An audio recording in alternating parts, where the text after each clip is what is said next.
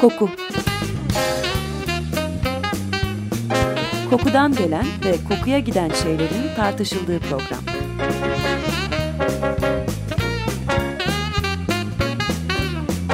Hazırlayan ve sunan Vedat Ozan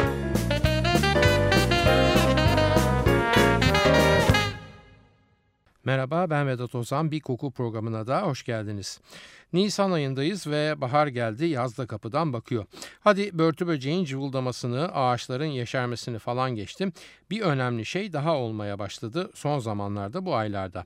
Yazın sıcağında bir can yüküyle daha dolaşmak istemeyen anne adayları hamileliklerini kışa getirip doğumlarını genelde artık bahar aylarına programlıyorlar. Bu da demek ki önümüzdeki aylarda gene hastanelerin doğum bölümleri gittikçe kalabalık olacak. Doktorların hesap cüzdanları hafif kabaracak ve ilk kez doğum yapan pek çok anne de ne yapacağını bilememenin paniği içinde kitap, dergi, internet, televizyon artık nerede bulursa bebekle ilgili bilgiler edinmeye çalışacak. Garibin bebeğin bütün bunlardan pek bir haberi yok tabii. O sakin bir sıvının içinde salınarak ritmik bir kalp atışı eşliğinde ne olduğunun pek de bilincinde olmadan vakit dolduruyor. Ama öyle bir an gelecek ki o akvatik yani sıvı barınağın ışıksız karanlığın pestonda ritmik seslerin arasından sıyrılıp parıl parıl ışıkların ve çok frekanslı gürültülerin arasında buluverecek birden kendini. Hiç bilmediği hatta korkutucu diyebileceğimiz yeni bir ortam ve muhtemelen doğum olayı da her bebek için sırf bu nedenden dolayı bir travmadır. Fetüs halindeyken annesinin sesini duymaya alışmış olmasına rağmen o ses bile artık doku ve sıvı arasından süzülerek değil havada yolculuk ederek ve bir başka farklı titreşerek gelecek kulağına. Ses farklılaştığı, ışık farklılaştığı, doku dokunduğu yerler farklılaştı ama bir şey aynı kalacak hayatında ve onun sayesinde bu hayatının ilk ve en önemli geçiş döneminde uyum sağlaması zanıldığı kadar zor olmayacak. Evet doğru tahmin ettiğiniz koku duyusu. Doğduğu andan itibaren 3 günlük olana kadar gerek onu gerekse doğumhaneyi kaplayan ve bizim bazen kan kokusu diye yanlış tanımladığımız amniyotik sıvı kokusu onun doğum öncesi ve doğum sonrası gibi iki farklı çevrenin arasında yumuşak bir geçiş yapmasına yardımcı olacak. Tabii her amniyotik sıvı kokusu değil onların doğar doğmaz tercih ettikleri ve kendilerinin içinde zaman geçirmiş oldukları sıvının kokusu esas olan. Bu kokuyu nerede duyacaklar dersiniz? Elbette annelerinde. Aslında bu da iki taraflı bir tanıma olayı zira hem bebek annesinin kokusunu hem de hem anne hem baba kendi bebeklerinin amniyotik sıvısının kokusunu tanıyabiliyorlar. Bu da bizi bir sava getiriyor ki o da amniyotik sıvıların kişiselleşmiş koku özelliklerinin olduğu. Amniyotik sıvının kokusu bir başka şeyin daha sebebi oluyor. Gaz kromatografi analizi sonuçlarına göre annenin meme ucundaki salgı ve amniyotik sıvı içindeki pek çok koku molekülü ya ortak ya da üst üste gelebilecek kadar benzeşiyorlar. Aynı değiller yanlış anlaşılmasın ama çok fazla benzeşiyorlar. Bu da haliyle bebekler için anne memesine giden kokulu bir iz demek. Yani yeni doğmuş bebeği annesinin karnının üstüne koysanız emekleyemese bile o kokuyu aldığı yere yani memelere doğru yönelmeye çalıştığını göreceksiniz. Çünkü orada kocaman ama gözle görülmeyen bir tabela var ve o tabelada bebeği gel buraya alışık olduğu kokunun kaynağı benim diyerek çağırıyor. Henüz bulanık bakan ve tam göremeyen bir bebeğin meme yerini saptayabilmesinde başka da bir sebep aramamıza bu nedenle pek gerek kalmıyor. Bu durum ne kadar sürüyor? Çok değil bir hafta. Bir hafta sonunda bebek artık anne kokusunu genel olarak kabullenmiş oluyor ve üzerindeki amniyotik vesayetten sıyrılıyor. Henüz bulanık bakan dedim az önce. Buraya da kısaca değinelim. Bebekler doğduklarında pırıl pırıl görmüyorlar bildiğiniz gibi.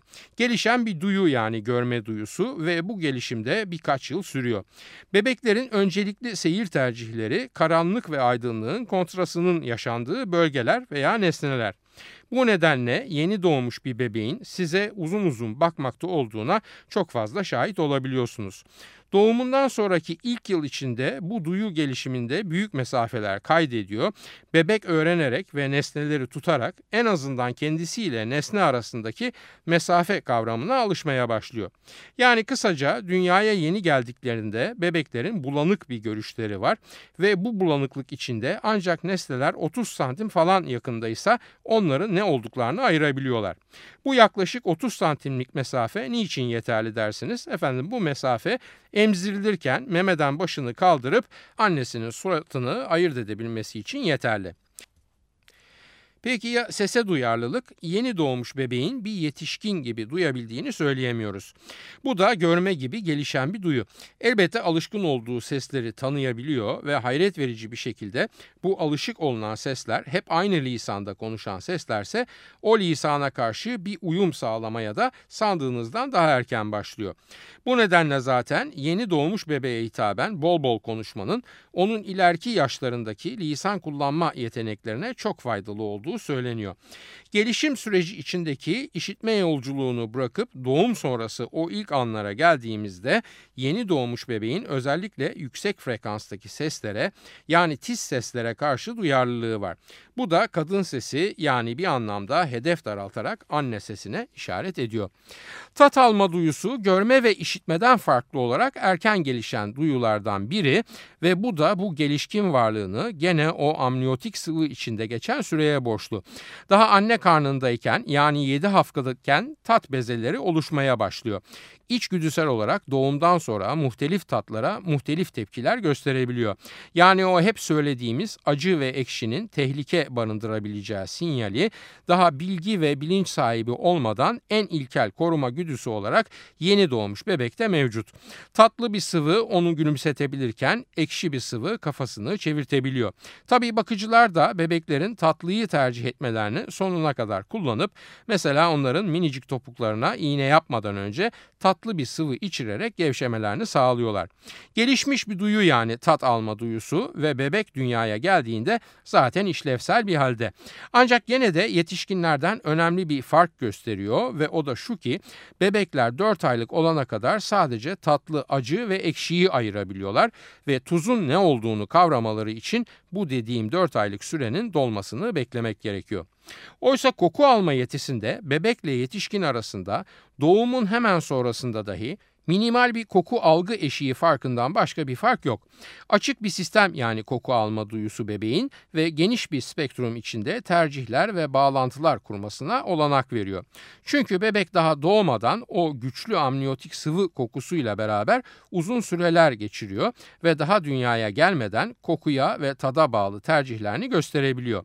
Koku duyusunun bu erken gelişimi onun hemen doğum sonrasında bile bir yetişkine benzer tepkiler göstermesine neden olabiliyor.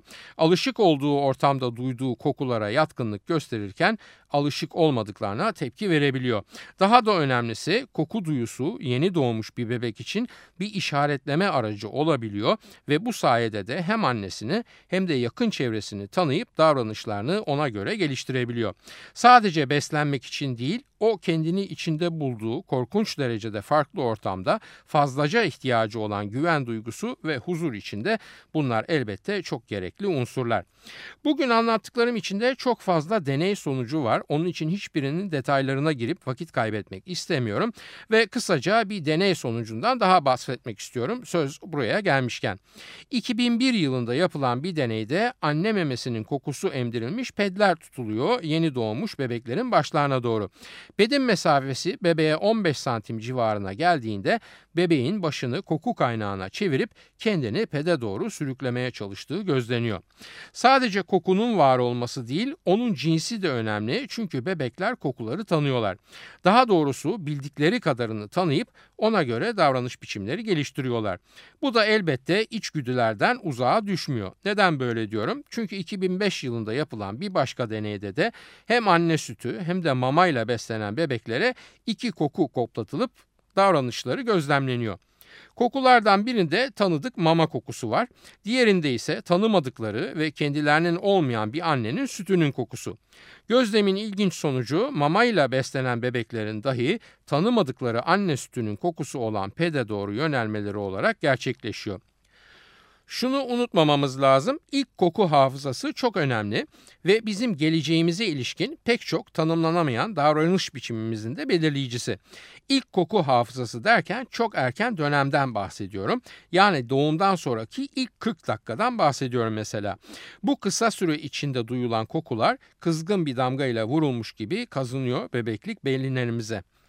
Gene 2007 yılında yapılan bir deneyde bebeklere daha önce hiç duyma şansı olmadıkları yepyeni bir koku 30 dakika süreyle koklatılıyor.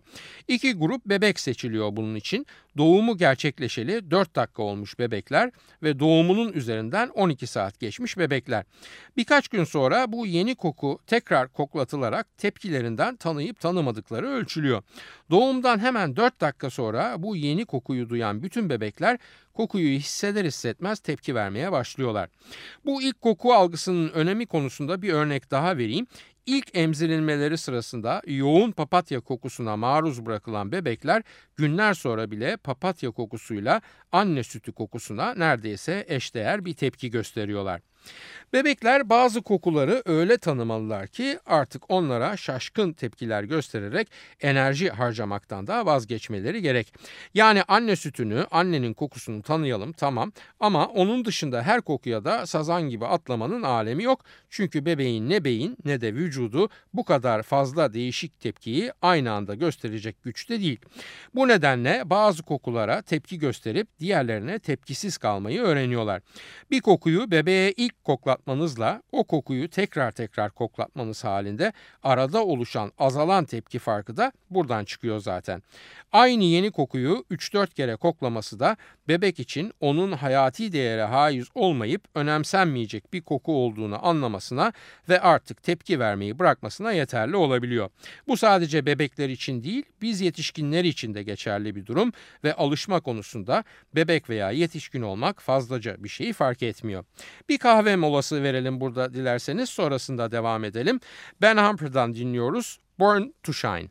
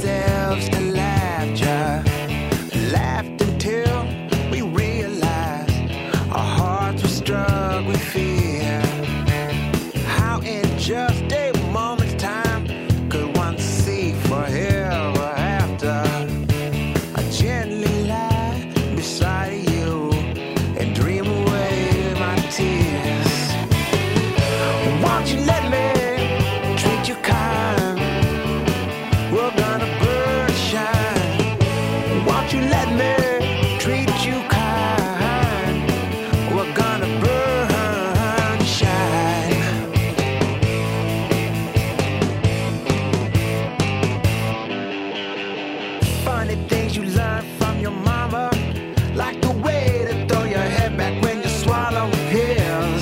Funny things you learn from your papa, like when you're talking, you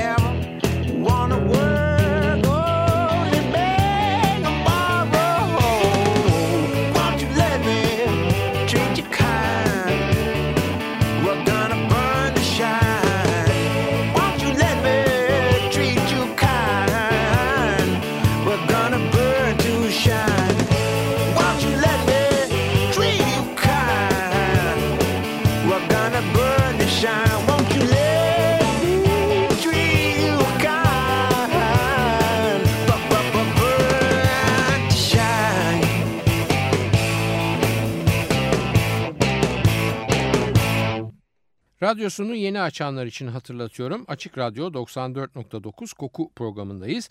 Ben Vedat Ozan, Ben Harper'dan dinledik. Burn to Shine. Koku duyusu neredeyse bebekle birlikte var oluyor diyebiliriz. Yani fetüs daha 8 haftalıkken oluşmaya başladığını biliyoruz. Bu elbette tam işlevsel bir koku alma demek değil ama en azından bir şeyler olmaya başlamış fetüste diyebiliriz. İçinde yer aldığı sıvı pek çok koku molekülü barındırıyor ve bu kokularda hem annenin gen yapısından kaynaklanan genel bir karakter taşıyorlar hem de günlük beslenme şekline göre hafif değişiklikler gösteriyorlar. Yani kokuların insan yavrusu üzerindeki etkisi o henüz ana karnında korunma pozisyonundayken ağız ve burun boşluğundan akıp geçen amniyotik sıvı ile yeşermeye başlıyor. Ultrason görüntüleme sayesinde fetüs evresinde yavrunun hem amniyotik sıvı yuttuğunu hem de parmak emdiğini biliyoruz. Hatta işin ilginci amniyotik sıvının içine şeker enjekte edildiği zaman daha fazla yuttuğunu, acı bir sıvı enjekte edildiği zamansa yutmaktan imtina ettiğini de biliyoruz. Bu da bizi doğum öncesi evre için kokuyla beraber tat duyusunun da önemi üzerine düşünmeye itiyor. Tat bugünlük çok kapsama alanımızda kalmasın ve kokudan devam edelim. Amniyotik sıvının kokusunu annenin gen yapısı hatta etnik köken ve yedikleri bile belirleyebiliyor. Annenin yediklerinin ne kadar etkisi olabilir bu sıvının kokusunda diyebilirsiniz. Çok etkisi var diye cevaplarım ben de. 1995 yılında yapılan bir deneyde sarımsak yemiş bir annenin amniyotik sıvısı içinden yükselen sarımsak kokusu deneye katılan yetişkinler tarafından %100'e yakın bir kesinlikle saptanıyor. Amniyotik sıvıyı geçtim. Sarımsak özü içeren kapsüller var biliyorsunuz. Bu kapsülü yutmuş bir annenin sütü bile kapsülü yutmamış annelerin sütüyle karşılaştırıldığında bariz bir şekilde farklılık gösteriyor. Peki bebeğin koku duyusunun bu kadar erken gelişmiş olmasının olumsuz etkileri de olabilir mi çocuk olma çağlarına geldiğinde? Genelde açık uçlu bir sistem bebeğin çok geniş bir çevresel uyarı dizisini tanımasına yardımcı oluyor. Ancak bunun bazı handikapları da elbette olabiliyor. Mesela bebeğin sağlığı için yararlı olmayan kokularla beraber büyümeye başlaması gibi bir durumda onun ileri dönem alışkanlıklarında da nispeten sağlıksız gelişmeler gözlenebiliyor. Bu olumsuz kokuların başında da alkol geliyor. Yoğun ve aşırı alkol tüketilen bir ev ortamında büyüyen bebekler okul çağına gelmiş çocuklar olduklarında alkolsüz içeceklerden çok alkollörün tadını tanıyabiliyorlar doğal olarak. Bunun ileri yaşlarda onları daha rahat ve fazla alkol tüketmeye iteceği yolunda bir takım savlar var. Bunlar kanıtlanmış değil ancak kuşku uyandırıcı oldukları kesin. Gene de biz bu konuya rezerv koyarak yaklaşalım ve yoğun alkol tüketen ebeveynlerin çocuklarının da aynı alkol tüketimi paterni içine düşmeleri için kokudan da önemli ve başka sosyal parametrelerin var olması gerektiğini bir kenara not düşelim. Not düşelim ama gene de dikkati elden bırakmayalım ve o bira içmek anne sütünün miktarını arttırır palavralarına da fazla itibar etmeyelim. Sütü arttırma potansiyeli olan biranın içindeki diğer maddeler zira ve asla alkolün kendisi değil. Olumsuzdan olumluya yönelirsek bebeğin koku tanımasının özellikle anne kokusunu tanımasının onu sakinleştirdiğini biliyoruz. Bu nedenle zaten ağlamakta olan bir bebek anne kucağına verildiğinde daha gözü doğru dürüst göremez, kulağı yeterli duyamazken sakinleşebiliyor. Peki doğal anne kokusu dışında yapay kokularında böyle bir özelliği olabiliyor mu? Olabiliyor efendim. Mesela lavanta formüllü bir koku bebeklere koklatıldığında adrenokortizol seviyelerinde düşme gözleniyor. Yani kısaca lavanta kokladıklarında adrenalin salgıları azalıyor ve gevşiyorlar bebekler. Buraya kadar bahsettiklerimizi özetlersek şunları diyebiliriz. İnsanda koku duyusu doğum anında gelişmiş bir haldedir ve anne bebek arasındaki ilişkiyi koordine etme özelliğine sahiptir. Koku duyusu bebek için bir kimyasal duyarlılık aracıdır ve bu sayede içinde bulunduğu yeni çevrenin keyifli ve keyifsiz yönleri hakkında fikir sahibi olur. Bu duyu daha anne karnındayken gelişmeye başlar ve doğumdan sonra da yeni öğrenme ve koşullanmalarla devam eder. Gerek doğal gerekse yapay kokularla beraber bebek kendine uygun bir hedonik yani hazza dayalı davranış yolu geliştirir. İlk bebeklik anlarında edinilen kokusal deneyimler ve bunlara takılan görünmez etiketler bebeğin ileri dönemlerindeki gelişimsel geçişlerine mesela katı gıdalara geçmesi aşamasında da yardımcı olurlar. Şimdi bebek ve koku ilişkisi hakkında günlük hayata dair sorulmuş birkaç soruya bakalım ve bunları cevaplayalım müsaadeniz olursa. Bilginiz için bu sorular Koku Duyusu Enstitüsü yani Sense of Smell Institute'a yöneltilmiş sorular. İlk soru şu. Koku kullanarak bebeğimi sakinleştirebilir miyim? Evet, koku kullanımı sayesinde bebeğin sakinleşmesi sağlanabilir. Yapay kokular yani vanilya veya lavanta da bu işe yarar. Zira kortikosteron seviyesini düşürürler ve stres halinden uzaklaştırırlar. Anne kokusu yani mesela annenin giymiş olduğu ve üzerine kokusunun sindiği bir giysi parçası da bu etkiyi yapabilir. Annenin bulunmadığı ortamlarda huzursuzlanan bebeklere annenin geceliğinin verilmesi bakıcılar tarafından çok denenmiş ve başarılı olmuş bir yöntemdir. Bu sayede bebek hem sakinleştirilebilir hem de uyku düzeninin bozulmasının önüne geçilebilir. Ancak şunu unutmamak lazım ki bebeklerin huzursuzluk diye tanımladığımız davranışları aslında bir ihtiyaç belirtisi olmaktan başka bir şey değildir. Yani karnı acıktığı için kıpırdanıp yaklayan bir bebeği sadece kokulu bir gecelikle sakinleştirmek aslında geçici bir yöntemdir ve esas olan bebeğin ihtiyacının cevap bulmasıdır. Ayrıca bebek diye küçümsemeyin. Sizin kokunuzu sizin olmadığınız ortamlarda gereğinden fazla duyarsa bu kez sizinle o koku arasındaki ilişkiyi küçümseyebilir ve bu da kokunun rahatlatıcı etkisinin kaybolması demektir. Bir başka soru bebeğimle beraberken parfümlü olmanın mahsuru var mı? Abartmadığınız sürece üzerinizde sıkılmış parfüm kokusuyla bebeğinize yanaşmanızda ve onunla tensel temasa geçmenizde bir sakınca yok. Hatta bebek sizin parfümünüz doğrultusunda bir tercih bile geliştirebilir. Ancak dikkat edin tam da yavrucak sizinle özdeş böyle bir yapay kokuya alışırken cırt cırt parfüm değiştirip ufaklığın kafasını karıştırmanın anlamı yok. Unutmayın ki o kafasında sizinle ilgili bir karakter belirliyor ve bu karakterin içinde sesiniz, yüzünüz ve kokunuz da var. Bu karakter parametreleriyle fazlaca oynamak çok da önerilen bir şey değil. Bu soruyla bağlantılı bir başka soruya geçelim. Parfüm kullanmak bebeğin anne kokusunu tanımasını engeller mi? Hayır, Bebekler birden fazla kokuyu öğrenebilir ve ayırt edebilirler. Bebeklerin parfüm kullanan annelere yabancılık çektiklerine dair hiçbir sonuç yok yapılan araştırmalarda. Kaldı ki mamayla beslenen bebekler anne kokusuna meme sütüyle beslenen bebekler kadar yakın ve aşina değiller. Ancak bu onların annelerini kokularından tanımadıkları anlamına gelmiyor. Ana karnında geçen 9 ayı ve o 9 ay süresince bebeğin maruz kaldığı anne kokusu bombardımanını lütfen unutmayın. Ayrıca bebeklerin koku duyularının yetişkinlerin iz düşümünde olduğunu yani hem doğal hem de yapay tüm kokulara ilişkin tercihler oluşturabildiklerini de aklınızda bulundurun. Şu da bir gerçek ki ödüllendirme öğrenmede çok önemli bir unsur. Kucaklanma, sevilme ve beslenme ile beraber duyulan kokular yani annenin doğal kokusu dışında bu ödüllerle beraber gelen anne parfümü veya baba tıraş losyonu kokusu da bu bağlamda öğreniler kokular ve kişi koku ilişkisi kurulan deneyimler arasında. Peki bebeğe nasıl görsel uyarı veriyorsak aynı şekilde kokusal uyarılar da verebilir miyiz? Elbette verebiliriz. Nasıl ki beşiğin üstüne yanar döner aydede falan gibi bir oyuncak asıp görsel bir uyaran veriyorsak Aynı şeyi kokuyla da sağlayabiliriz. Vanilya ve lavantadan bahsetmiştim. Bebeklerin hoşlandığı ve onları sakinleştiren kokular diye. Buna muz kokusunu da ekleyebilirsiniz. Unutmayın ki yapılan pek çok deneyde bebeklerin kokulu oyuncakları kokusuz oyuncaklara tercih ettiği kayda geçmiş durumda. Şunu da gene atlamayın lütfen tekli uyaranlar çoklu uyaranların yerini tutmaktan uzaktır. Yani bebeğin bir kişiyle birden fazla duyuyu kullanarak ilişkiye girmesi, onu görmesi, işitmesi, dokunması, koklamasıyla tekli bir uyaran yani sadece kokuyla ilişkiye girmesi arasında fark vardır.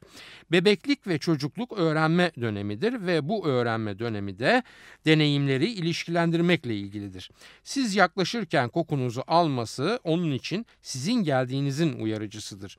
Uyaran eğer nesneden bağımsız bir anlamdaysa kaynağı bilemediği için karışıklık yaşayabilir. Yani demem o ki koku diyerek gerçeklik duygusundan fazla uzaklaşmamak lazım. Mesela elma kokusunun elmadan geldiğini bilmesi gerek. Eğer elma kokan bir peluş ayıyı bebeğin beşiğinin içine koyarsanız o velet neyi neyle bağdaştıracak? Elma kokusu onun için elmanın mı, elma suyunun mu yoksa ayıcığın mı kokusu olacak? Bu soru cevap faslını bırakıp bir başka gerçeğe geçelim.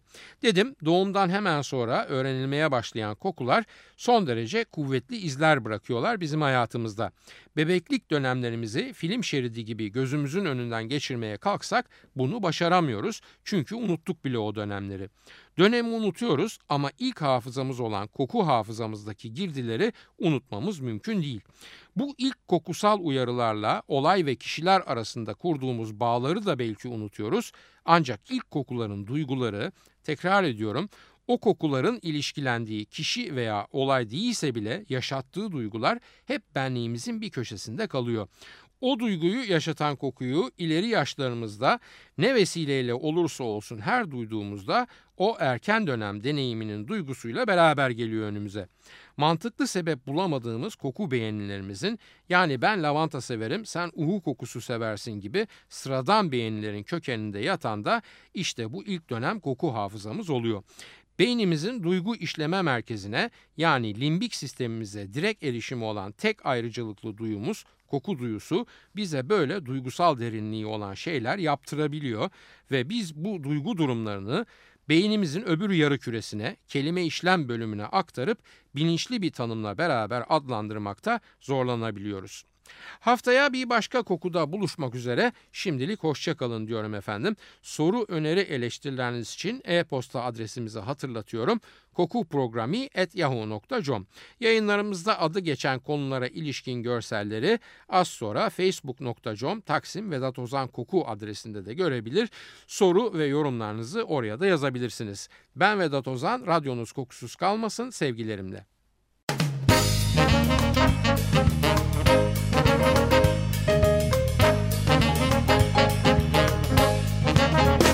Koku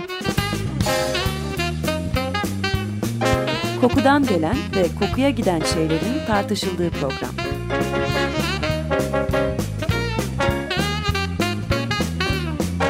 Hazırlayan ve sunan Vedat Ozan